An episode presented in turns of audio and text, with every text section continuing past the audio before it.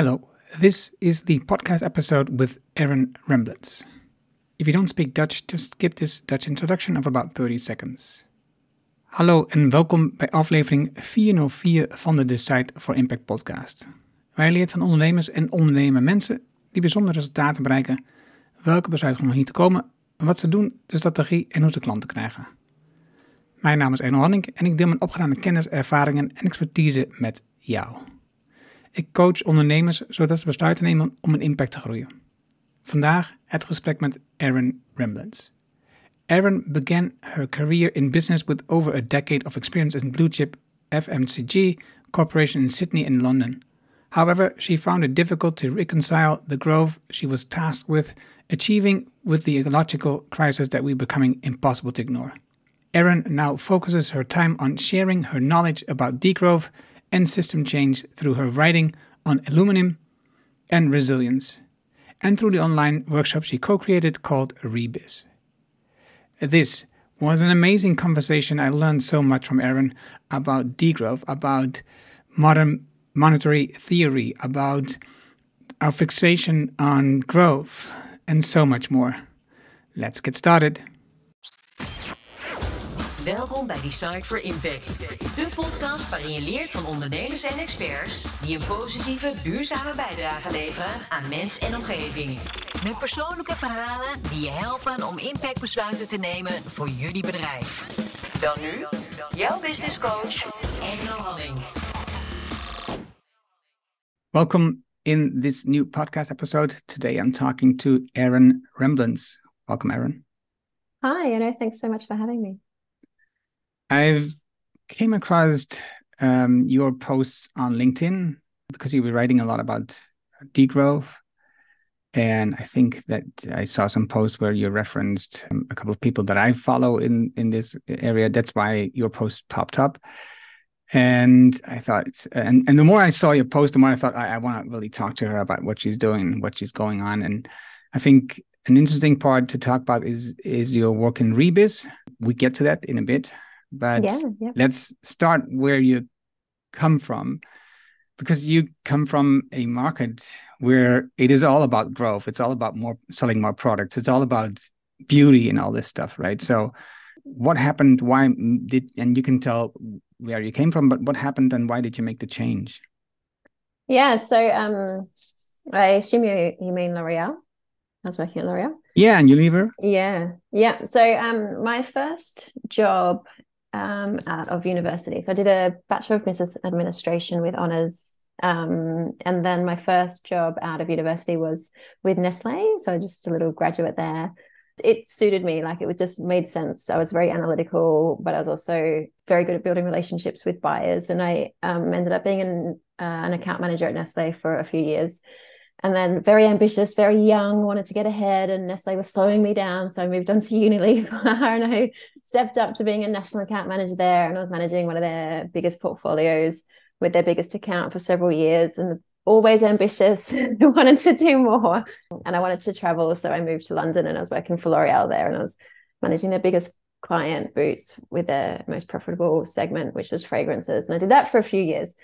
And it was fine and it was fun and I enjoyed it and underlying i sort of was wondering is this the best way for me to be spending my time? You know like ultimately you know as fun as it is and as nice as it is and as lovely as the products are a little bit of sense of just making the l'oreal group richer you know like ultimately this is what my work amounts to. But that is probably not truly why i left. I um, had my daughter and um, I wanted to move back to Sydney and also didn't necessarily want to work full time. And um, so after having my son, actually after having my daughter, I went back into part time work in the same industry, had my son, moved across to energy efficiency because I was starting to understand that actually there's a lot more going on here than I was really aware of. And eventually moved into carbon reduction, which it was called the Carbon Reduction Institute, but it was really about selling offsets. And the more I was reading, and I was very immersed in all the research and very uh, connected to other concerned people through some groups that I joined, it was just very apparent that that's just not enough anymore. it might have been enough a few decades ago, but we're well past that. And so I've sort of got this sense of turning up to work not ticking enough boxes, like not making enough difference, not being um, exactly what I wanted to be doing. So I I chose to leave there, um, and I devoted a, a, good chunk of time just to learning. So I wanted to know if if carbon offsets aren't the solution, what is? and that's where I started studying more about degrowth. Um, and I am actually part of a um, economics um, course at a university at the moment, um, and working with some degrowth scholars. But uh, even they, the degrowth scholar I'm working with, would admit that a lot of people are self-taught at this stage on degrowth because there's, you know, it's not a, you know, it's not like taking mainstream economics courses. You sort of have to do the work yourself.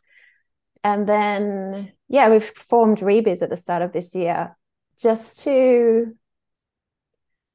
I was finding that a lot of sustainability roles were about trying to sustain business as usual.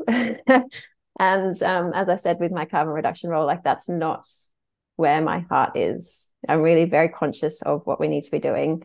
And I wanted to create a sustainability um, course that was very honest about the changes we need individually, organizationally, and systemically.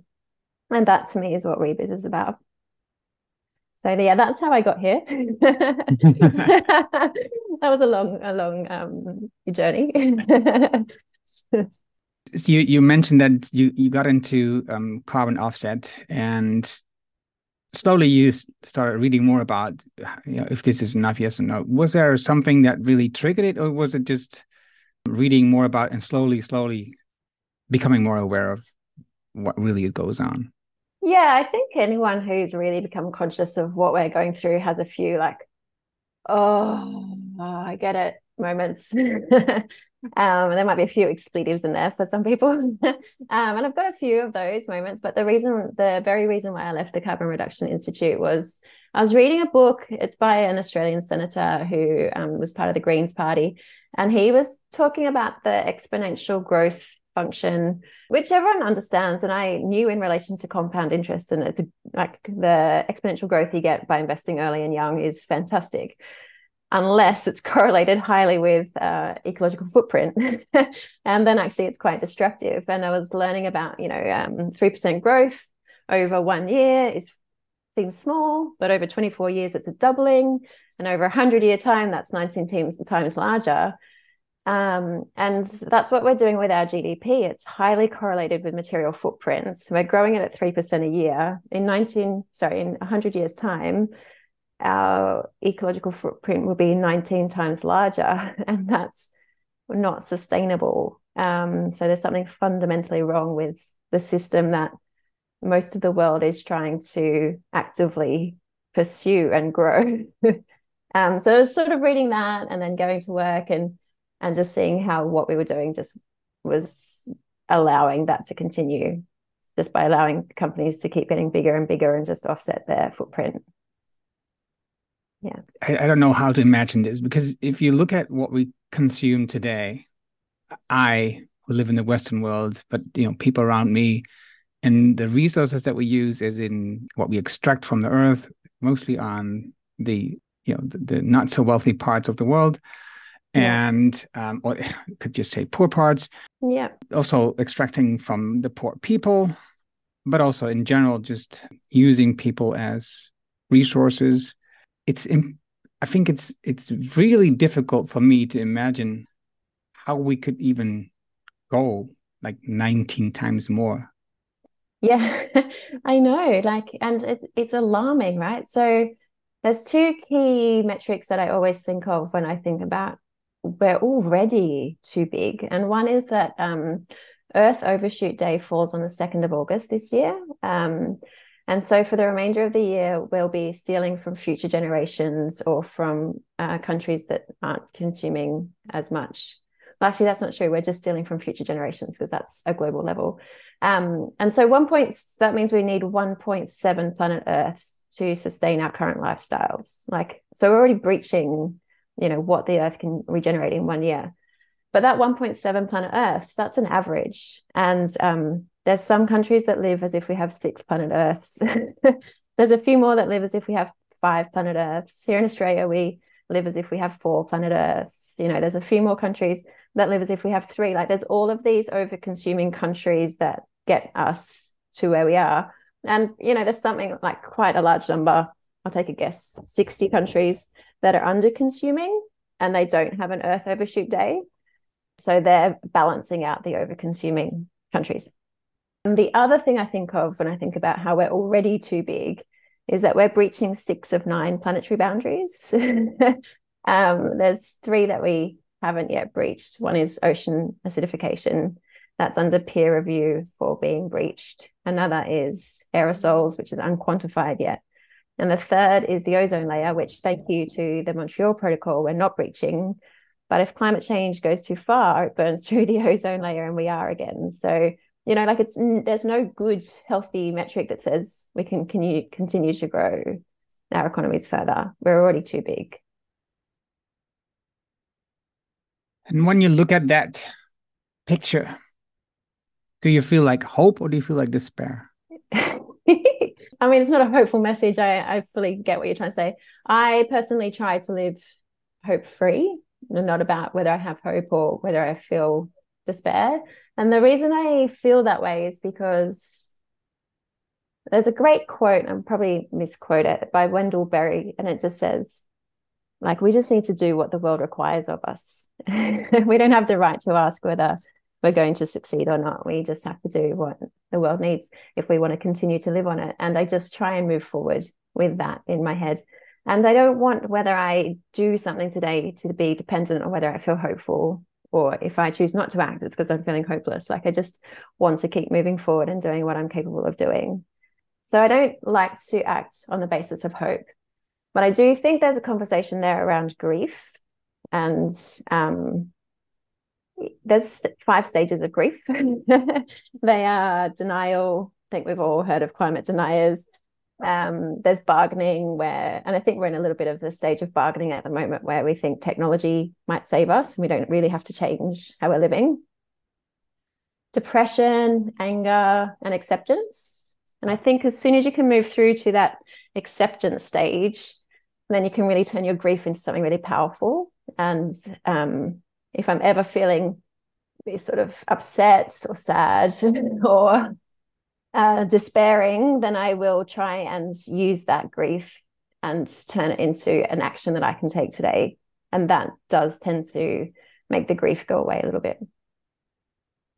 Yeah, I heard that more often that when you take action, it really makes you feel different because it you you feel like you're doing something, right? Yeah, for sure. Like, and I, I could probably give you a dozen times where I've been up in the nighttime, and I've got small kids, so I'm often up in the nighttime anyway.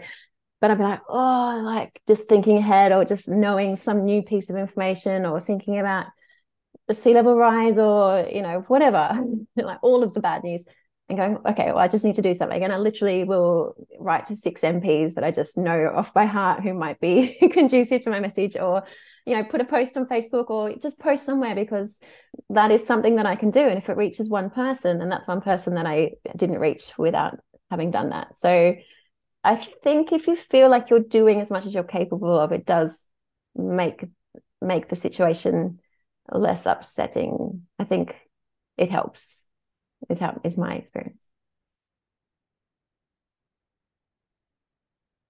That's actually why i started writing I was reading, so I read the the book I told you about by the Australian uh, Green senator, and then I read a few more books on degrowth, and I was like, right, well, more people need to know about this. This is very important. I don't have any writing qualifications. I've never, I don't know anyone in the newspaper industry or the online publication industry, but I just put together a thousand word article on the topic of degrowth and and why it was important for people to know about it and sent it to a few different places, hoping someone would take it. And it did get published, very small publications in Australia.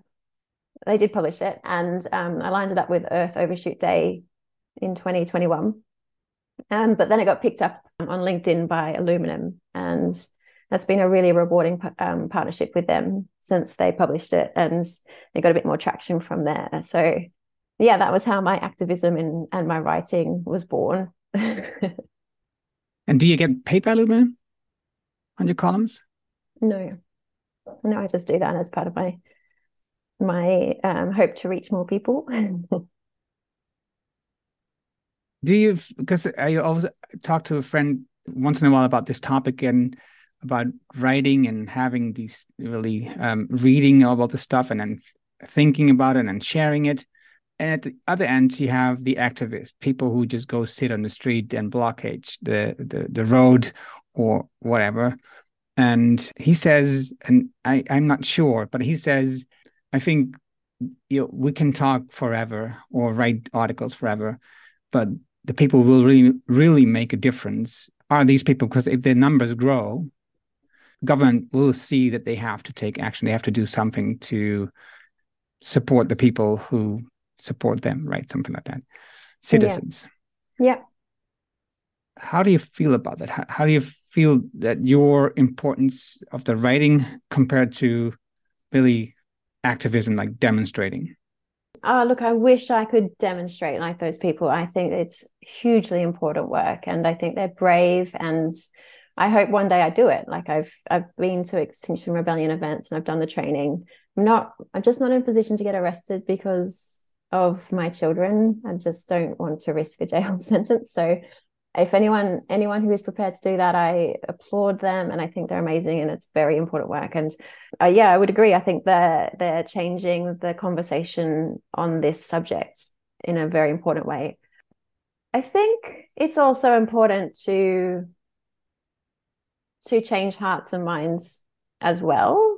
So, um, in other ways, and the more you can do that, the more you might engage people who might also then become activists or even just vote differently. Like, there's not many, there is no climate friend. Well, really, there, there is some, but then in smaller nations, um, climate friendly governments in power doing what we need to do to reach the Paris Agreement yet. And so, you know, in democracies, that means we're not voting them in.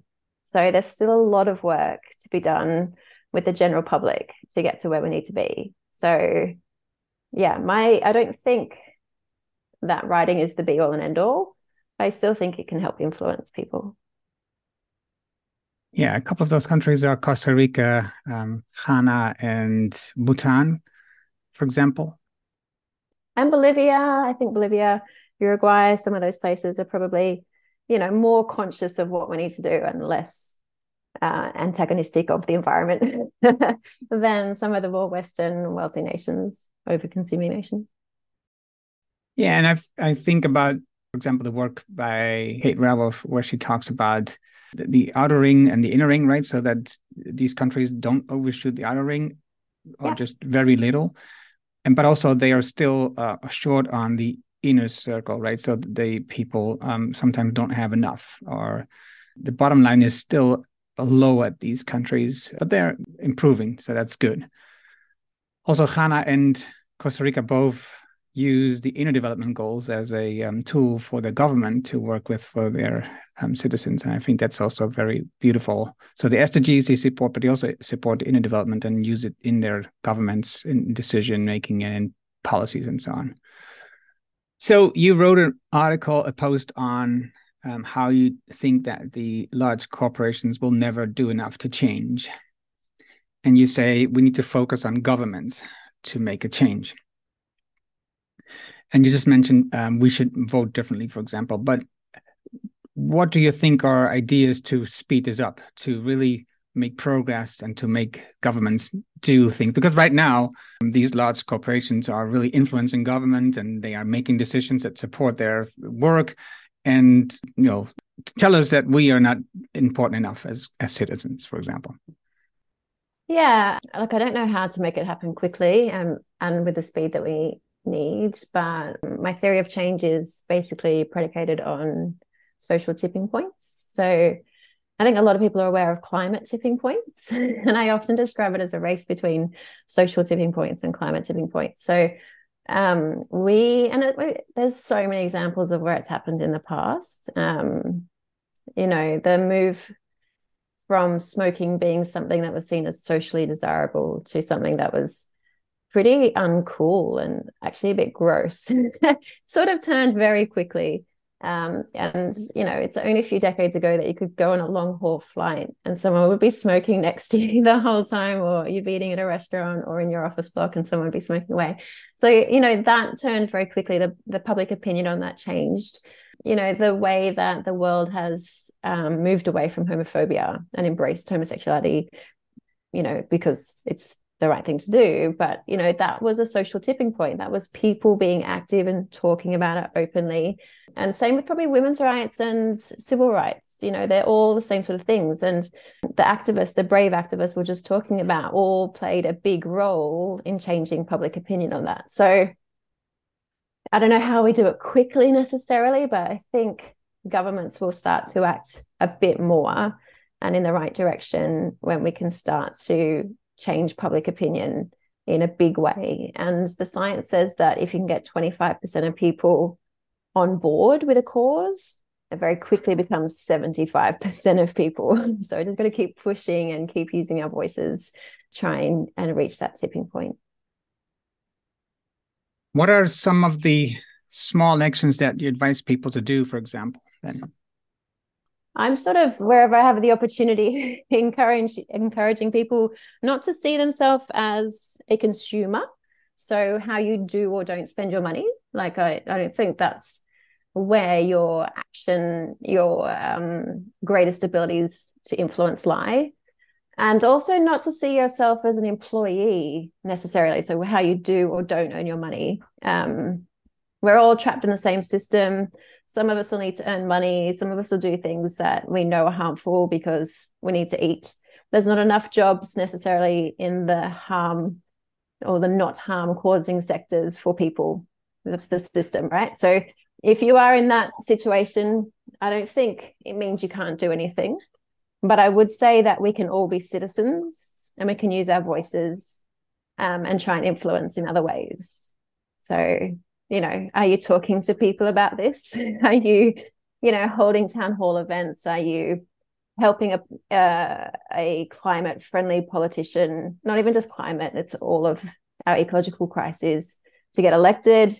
Are you trying to move public perception on various things? Like, I just think we can be so much more than just consumers or employees, and we forget that a little bit.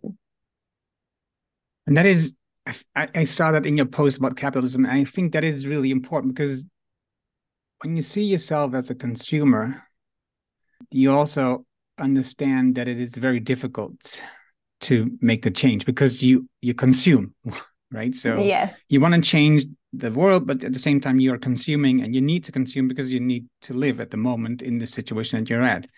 And it is very difficult to to not consume at the moment, but you can be a citizen at all times and do the things that you just mentioned before. Yeah, and the, the, amount of effort that you could apply to being the perfect consumer, like eliminating all plastic from your life and you know not driving. So now you're walking and biking everywhere or taking public transport if it's available to you. Like all of these things are very time consuming and very worthwhile doing. I'm not saying don't do them but i am saying there is probably going to be a trade-off between what you're capable of um, and what means that you start to so i guess there's like if you look at a break even curve or whatever it might be there's a point where you're going to spend too much effort trying to be the perfect consumer which could have been invested. Here we go here's a term to um, be a better citizen for a greater outcome. So um, in Australia, a couple of years ago, they bla- they banned plastic shopping bags from our two largest supermarkets, and they were literally responsible for hundred hundreds of millions of plastic bags every year. So as uh, you could have had a choice back then. Do I just stop using plastic bags, or do I start to push the government and these two corporations to stop issuing the plastic bags? And I know which one would have had the bigger trade off. it's like stopping at the source, stop those plastic bags from going anywhere. And now no one in Australia is using these disposable plastic bags. Everyone takes their own all of the time. but if someone had been focused on just their own use of plastic bags, they would have missed such an opportunity to create a huge change. So I like to think, you know, don't get stuck in the individual consumer footprint. Like do what you can. I'm not saying don't do it, but recognize the trade-off of trying to do it perfectly versus what you could be doing with your time otherwise hmm. that's a smart point because i've I sometimes struggle. not Sometimes, I often struggle with this too because I'm looking for the best ways to do things to consume or even not, you know, not consume um, as much as possible. Don't buy new stuff, but it also it takes a lot of time to do this. It, it takes time to investigate more. It takes time to get the stuff and maybe make changes. And I haven't. And I've, I'm. I was thinking when you was talking. I was thinking about the story of two girls who were doing the same thing with these plastic bags and banning them from Indonesia and making a difference there instead of just like you just said instead of thinking about so i don't want to do a shopping bag and i will talk to some people about this but what they did is in the end they banned they they were just two young ladies being um, able to change the policy in indonesia and to ban the shopping bags there. So i think if you if you listen to the stories like that you you can see that it is possible for anybody to do this right yeah, I think so. And like it's so inspiring when you start to see success stories like that to know that we can have a difference. And, you know, for at the time in Australia, like there's a very negative connotation with plastic, and there was a big TV show all about plastic that was quite popular. So it was very topical. And these corporations knew that they were facing backlash by continuing to issue these out. So you know it's a social tipping point you know is what happened in that instance. And it was not worth the bad branding for them to continue on with it. Um and so that's where i think that we should be directing our efforts. There's um just for anyone listening there's a great youtube 12 minute video documentary based on an essay called forget shorter showers. And it's i watched it about five or six years ago and i still think about it all the time because the the whole um, message behind the video is why would we ever think individual actions are enough to change a system that's sort of eating up our planet? And it was just really like at the time, I was like, oh, you're right. like it doesn't matter what I do, it matters what the entire system does. And it's hard, like it's hard to change a big system. We might not win, but that's where we should be trying to exert pressure, I think. So when you just will you send me the link of the video so I can post it yeah. in the show notes so people can um, click the link and just watch it because I think it makes it easy for them to do this. Yeah. Your course, you do this now since the beginning of this year, 2023. Who are the people uh, joining the course? What, what are they doing? What is their job and what are they doing? Yeah, so um, it's people who are passionate about the ecological crisis we find ourselves in and wanting to know what they can do. So um, typically they don't they're not always sustainability based, but we have had lots of people who either work in sustainability, want to work in sustainability, or you know, often new parents who so, there's something about having a child that makes you go, oh, yep, this is not good. we need to be doing more. Some students, you know, like a, a big cross section. We've had something like people from 16 different countries um, go through the course. So, um, you know, a big cross section of people in the first four courses that we've run ESG professionals, even people who work just in sort of top 100 uh, companies who are very growth and profit orientated, but deep down, the person taking the course knows that it's not really where they want to be. They they've sort of read the degrowth literature and understand that that is not going to help their children you know that sort of line of work. And so that you know what else can i be doing? Where else can i exert some pressure? And just wanting to understand yeah the full breadth of changes that we need to be making. Yeah and you the tagline is reconnecting business leader with back to earth. Yeah.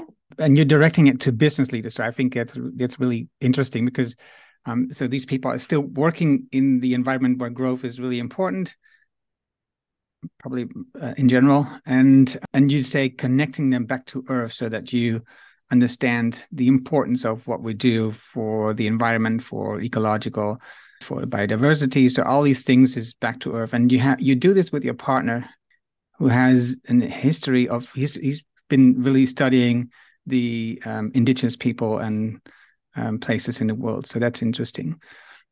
For people who are not completely aware tell a bit more about degrowth. What, why is it important, and why is it so different than capitalism? if if I may, I'll I'll give my definitions of degrowth. I always tend to give two. So the first one is a planned and democratic reduction of material and energy throughput in over-consuming nations while improving well-being in those nations and global justice. So it's a pretty mouthy definition, but it's just acknowledging that we're not leaving it to the markets. We're going to plan what we want to continue to grow. So there's some sectors that will continue to grow, such as renewable energy and insulation for homes and uh, electric vehicles will continue to grow, those sorts of things. But there's going to be sectors of the economy that we don't want to grow anymore. And we're not just going to leave to GDP and this aggregate continuous growth for an ever and ever just because we don't want the economy not to grow anymore. So that's the planned section. The democratic section is it has to be democratic. Like we can't just enforce on a population of a nation what's going to happen. And so the best way to do that, probably at this stage, the consensus is through citizens' assemblies, you know, getting everyday people, informing them of the situation, and then getting them to put forward proposals for how we reduce material and energy throughput. Uh, over consuming. So, you know, just when we're not asking every nation in the world to reduce their energy and material throughput. It's just those countries who are living as if they have two, three, four, five, and six planet Earths.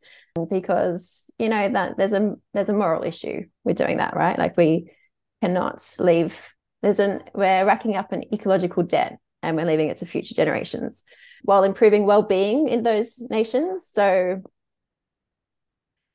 because the economy now is structured around profit and growth, most people will be surprised to hear this, but GDP and well-being have been decoupled for many decades. So all of this growth that we're producing in the economy is not increasing well-being, and we see that sort of globally. Well-being has stagnated since about the 80s. So we can we can move to improve well-being by focusing on policies that look after people. like it's we just haven't been really focusing on improving well-being because we've been so focused on growth and global justice. So it's a massive topic. and once you start diving into it, it's really it's just difficult. Like um, for anyone wanting to learn more, I would recommend Jason Hickel's book, The Divide. But the way the global economic system is set up, it's it's just unjust at the moment. You know, we're taking resources and labor from the global south and we're using it to drive growth, growth in the global north. And um, something like 85% of the world's population live on less than $30 a day, which is the poverty line in a wealthy country. like, so, you know, that's a huge chunk, you know, something like 5.8 million people or something. Um, so there's more we can be doing from that point of view. Yeah, and then you take the thirty dollar because the UN uses the five dollar. Yeah, and I could, you know, and it's the, that five dollars has been adjusted for price pricing parity, purchasing price parity. I think is the the three P's. Um, so it's five. It's what five US dollars can buy you in the US with five US dollars. You know, like it's it's a it's a, a coffee. Like how are they supposed to live on that much money? you know, and that's their shelter, that's their healthcare, that's their food, that's you know anything, their clothing. It's just a crazy figure, and we wouldn't stand for it uh, if it was us. Um, so that's my first definition. It's sort of very clearly just that degrowth is focused on wealthy nations, uh, over consuming nations, I prefer to call them. And the second definition is a quote by a guy called Serge Latouche, who's a Frenchman who came up with the term degrowth back in the early 2000s. And he calls it a decolonization of the imaginary and an implementation of other possible worlds. And I like that. I think that applies everywhere. So it's about not using growth to meet our needs anymore. It's about just meeting our needs. if someone needs a house, give them a house. If someone needs food, give them food. If someone needs shelter, give them shelter. Don't make it a product of whether the economy is growing or not. Um, and I think that if we start to do that, we can meet people's needs in less environmentally harmful ways moving forward. I understand. And at the same time, I can also imagine for people, it's very difficult to imagine because capitalism, the way that the system works today, is so everywhere. It's in every system. It's it's in school. It's in in work. It's in uh, the government. It's everywhere. It's I think it's very difficult to imagine how you could live in a world which is stable and is not focused or fixated on growth. You know, you have you even have a bank account and you expect interest, right? yeah, yeah, yeah. It, and it will take a massive mind mindset shift. And actually, that's why in the Rebiz course, we spend a good couple of weeks just talking about worldview. And um, we know that the greatest lever for systemic change is if you can change the way people see the world. And so we spend a bit of time there. But yeah, I know we've all grown up thinking that we can expect a return on our investment and that sort of thing. I did listen to Tim Jackson on a podcast one time, and I can send the link through for the podcast. But in it, he explains how investment used to mean putting away money today for a better future tomorrow. Um, and that doesn't necessarily mean more money, but now it does. so now we put money away today for more money tomorrow, even if it means at the expense of the future. So there will be some needing to readjust what we think is a good return on our investment. You know, what if a good return on our investment was a habitable planet for our children? You know, what if it, it, means avoiding a mass extinction event?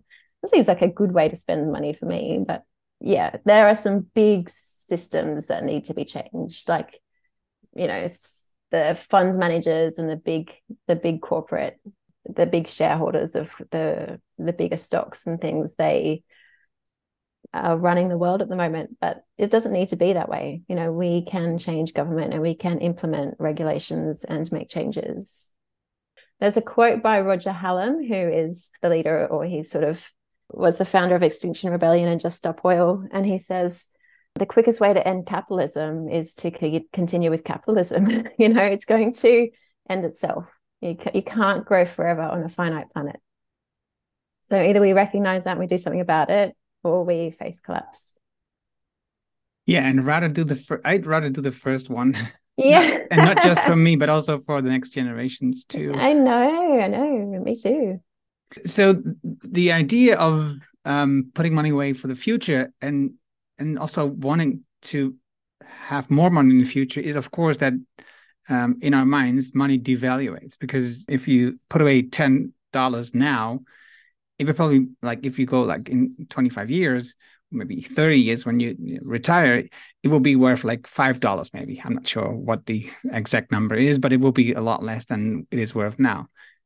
How do you trick people to come to a better idea that $10 stays $10 I think it's a little bit to do with what we've been told about um, our monetary systems as well. So, um, so it's probably the same where you are, but I know here we have what's called superannuation. It might be called a pension fund where you are, and it's where we're supposed to put money away into what ends up ultimately being shares and stocks, so that it can accumulate in value until the time by which we retire, and then we live off that retirement plan, hopefully forever until we die so we're we're really literally putting um, our ability to eat and stay warm in our retirement into the hands of the growth economy. Like we're all become dependent on this growth economy that we've just decided is a good idea. But um, it becomes really interesting when you start to learn more about modern monetary theory. Have you come across I, modern monetary I read the theory? post. So maybe explain a little bit about it yeah, Stephanie Kelton's written a book called The Deficit Myth for anyone who's wanting to learn more about modern monetary theory. But essentially, um, we've been given this sort of myth that governments are like households and they need to tax or borrow to spend. But they're not. If you're in a currency issuing nation, as I am in Australia, as the US is, as Britain is, and um, the European Union would have to have special rules, but ultimately they issue the currency there too, uh, but not individually at the current at the country level there is no limit on the amount of money that can be produced. And I'm not saying that we just create money and push it out there and we don't worry about the inflation. Inflation is sort of the point the the inflection point where we do need to keep controls in place so that we're not generating inflation, but it's not the access to money is not the problem for a currency issuing nation. It's inflation. So this idea that we need people to invest in the stock market so they can eat and stay warm in their retirement is crazy. And just making us more dependent on the growth economy than we need to be because currency issuing nations can provide pensioners with a livable pension. Like that's there's no financial constraints against doing that. What is a constraint is our real resources and making sure that we have the resources in the economy to provide the food that the pensioners will need to eat and to you know keep the houses up to date and whatever else that we need to do in an economy to make sure that we're all healthy and fit and able to access what we need. But money is not is not a constraint. So when you start to understand that side of things along with the degrowth policies it becomes a really uh, complementary pair and I, I i like the idea already in your post. And at the same time i think so what i'm seeing here in the netherlands for example but uh, i guess it's it's it's uh, in, in, a lot of countries in europe is that the government will just reduce the amount of money people will get when they go retire from the government so that it becomes more and more important as an individual as citizens that you take care of the extra money you need to have like together with the pension you get from the state to with the, your own pension that you've provided for when you were still working. That's going to be a huge change for the government to think about that they will spend more money to make sure that everybody who has a, like a pension or people who are sick or people who are um, have disabilities to give them enough money so that they can still live without worrying about money because worrying about money just causes so many you know difficulties in the end. Yeah it's huge. It's a huge component of degrowth. So degrowth step one of degrowth is decoupling well-being from gdp and as i said earlier G- gdp and well-being have been decoupled for a long time but at the moment, if someone was to say the economy is about to go into recession, like it means hardship for a lot of people. It means joblessness and, you know, not being able to pay the bills and businesses foreclosing and those sorts of things. So we need to break that link between economic growth and you know the well-being of people in the economy so step one is to provide people with universal public services so we're talking healthcare uh, high quality public transport, high quality education, secondary and tertiary. We can provide people with quotas of water and electricity and internet. Like we can do all of these things. We can have more community gardens. We could have, uh, you know, like uh, there's no limit to what we can think of here. We can use our imagination. I, maybe we provide people with I don't know, coupons for the supermarkets, whatever it might be, but so that people aren't relying on the growth economy to meet their basic needs. And some of these concepts would be really um, uh, unheard of in the US, where healthcare is closely tied to your employment. But we, we need to de-link these things. And once we do that, the second step would be to provide a publicly funded jobs guarantee so that people can find work in the public sector um, and not just in the private sector. And basically, this means that it takes involuntary unemployment to zero. So if you want work, the government is the employer of last resort and we can provide you with a job. The job, most of the literature on jobs guarantee would say that the job is determined at the community level based on what's needed in the community. That might be things like teaching children how to swim, maintaining a community garden, looking after children, some of these things. Yeah, so uh, all of these things can be done. You know, there is no reason why a currency issuing nation, issuing nation couldn't provide these things. We just need people to be aware that it's possible. But I guess the challenge is also that the media in many countries is owned by the very people who benefit from the status quo and actually, you know, very carefully choosing the narratives that people then vote on. So that's a challenge. But it's a challenge to the social tipping point as well. Trying to make people aware of these things. And there's no one out there, even in Australia, there's there is a Greens Party in Australia um, who would do many of these things. But even our Labor Party is very neoliberal in its policies, very much about the debt and not making and making sure it doesn't give um, people on unemployment too many benefits because we need them back in private sector employment and those sorts of things. Like it's, you know, the narrative is very, you know, most of the major parties I find are moving more right rather than more left. Yeah. The same as here in the Netherlands, we see the same uh, issues. I, at least I see the same issues. Is you know uh, they are moving more to the right. They when we talk about liberals, they are more like talk about economy instead of just rights of people and of well-being. Which, if you were really liberal, it was all about well-being, right? They talk about reduction of the, what you just said, the deficit of the country, instead of um, providing for the people who are in trouble. Yeah. We have a couple of interesting, and that's putting it mild, interesting cases in the Netherlands where the government failed and they still fail of supplying the people who were you know, heavily mistreated because of, for example, drilling for gas in, in the upper provinces in our country um, caused a lot of houses to weaken because it was like earthquakes and the ground that was just lowering. Uh, and so the, the buildings were just getting torn, and this means that their houses are almost unlivable, and they are not getting paid money to buy a you know buy a new house or yeah, compensation. yeah. or, buy, or build rebuild the house or do yeah. something about it because um, you know there was this is costing the state the money or Shell who was responsible for drilling the gas at some point. Yeah. And um you know things like that. So uh, it's unbelievable to imagine in a world where the government will think of the ideas you just um, said and you've written about and you've mentioned the books that there is plenty of money and how we could do this yeah so there's a great quote i think it's a stephanie kelton quote and she says currency issuing nations are like uh, scorers in a baseball game. Like there is no limit to the amount of points a baseball scorer can award, and there's no limit to money that governments can create. Like it's literally created with a keystroke. And I think lots of people became more aware of it through the COVID uh, pandemic, where certainly in Australia and I know in the US and the UK, I'm, I'm not particularly familiar with what happened in the Netherlands, but they became very able to fund things very quickly when we were asking businesses to shut down because of the pandemic. And um, and we see it a lot uh, when it comes to the military spend. You know, there's never a question of how will we fund it.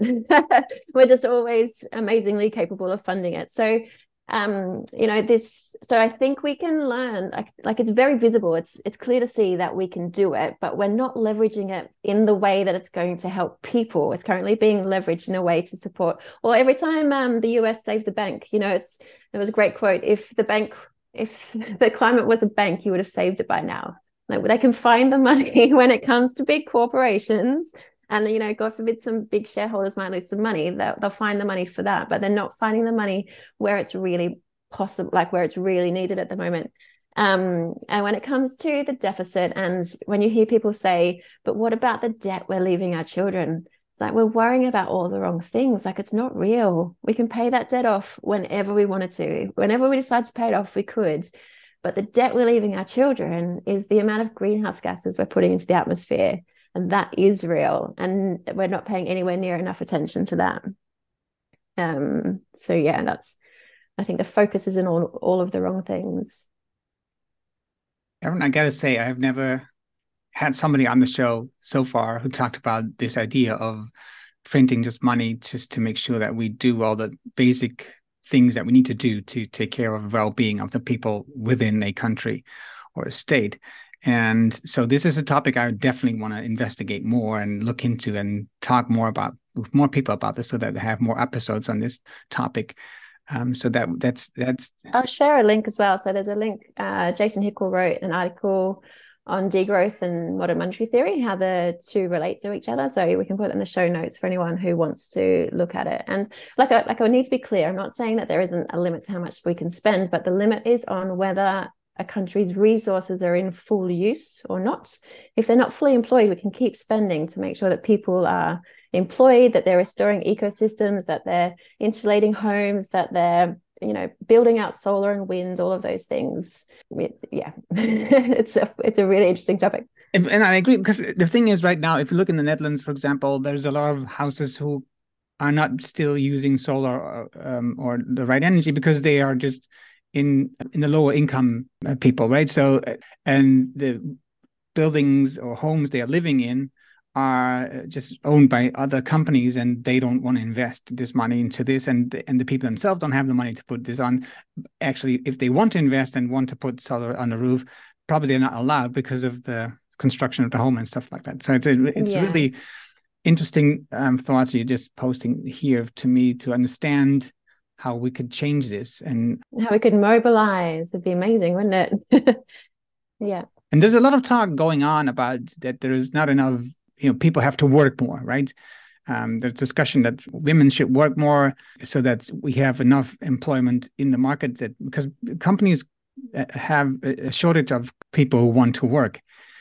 But when i look at that what you just explained it's that's just the opposite of what we need. We need the same people but working on different sides of, uh, yeah. of, of the things they need to do. Yeah and a big part of um, one of the degrowth policies that people would love is the idea that we we're going to so genuinely, honestly, if we're going to shrink back to using one planet's worth of resources and allowing people in under consuming nations to consume more, that means we, you know, we've got a lot of work to do in the countries and where, where we live. We're going to have to shut down a lot of activity. And that does, at this point in time, mean job losses for people. So, the solution under a degrowth economy for that is to shorten the working week so that the jobs that do remain get shared around. So we're talking three or four day work weeks. And like, that sounds cool, right? I don't know why we're still working five days a week and have two day weekends. So, you know, my son would be well up for that. He's, he thinks it's a ripoff that he has to go to school five days a week. So, you know, there's, there's all of these things that we're not talking about that we could be doing for the climate. And just because I love referring to articles, can I, in the show notes, uh, give an article by David Graeber? And he it's a great article. He says um, if we want to save the world we have to stop working. And he's just it's just talking about how the work we do is actually really harmful to the planet in lots of cases. Oh, I didn't I, I didn't know about that article because I, I read two books of him now and he's, he's just an amazing writer and the things that I read you know I, the the dawn of everything. Yeah um yeah a little bit of the way through that one yeah. What a book. My gosh yeah I, I didn't expect to read that about freedom and these ideas that we have, uh, equality, for example. That's so different. Yeah. And the other one was about the pirates' economy at Madagascar. Oh yeah, I haven't read that one. Yeah, that's that's uh, that's interesting too. I, so, so, so many stories that are just, for example, there's a lot of stories in that book about the rule of women. It's the same in the dawn of everything. And later yeah. on, everything is like in history is just rewritten so that it looks like there's the, the women don't have any important things to do, and everything that's really important is done by men.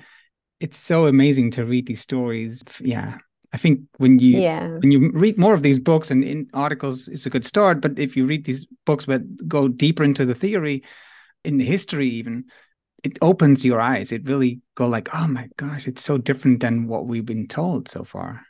It totally changes the way you see the world, doesn't it? It's, I think, yeah, it's been a wonderful experience for me over the last couple of years of just piling through the books, just needing to know more and understand more. David Graeber has a book, and I'm guilty of not having read this, but having read about the book uh, called Bullshit Jobs. he's just got this theory that a lot of the work we do is just bullshit. Just doing it to create employment so that people stay in the private sector. And um, it's just a really interesting way of looking at what we do. And he said, and people would say that their job is bullshit as well. It's not just him from his academic perch saying that these jobs aren't useful. It's people in the job saying that they they don't really know what their purpose is. And so imagine taking all of those layers out and redirecting the effort of those people into things that are helpful to either people or the planet. Like how amazing we could be if that's what we did.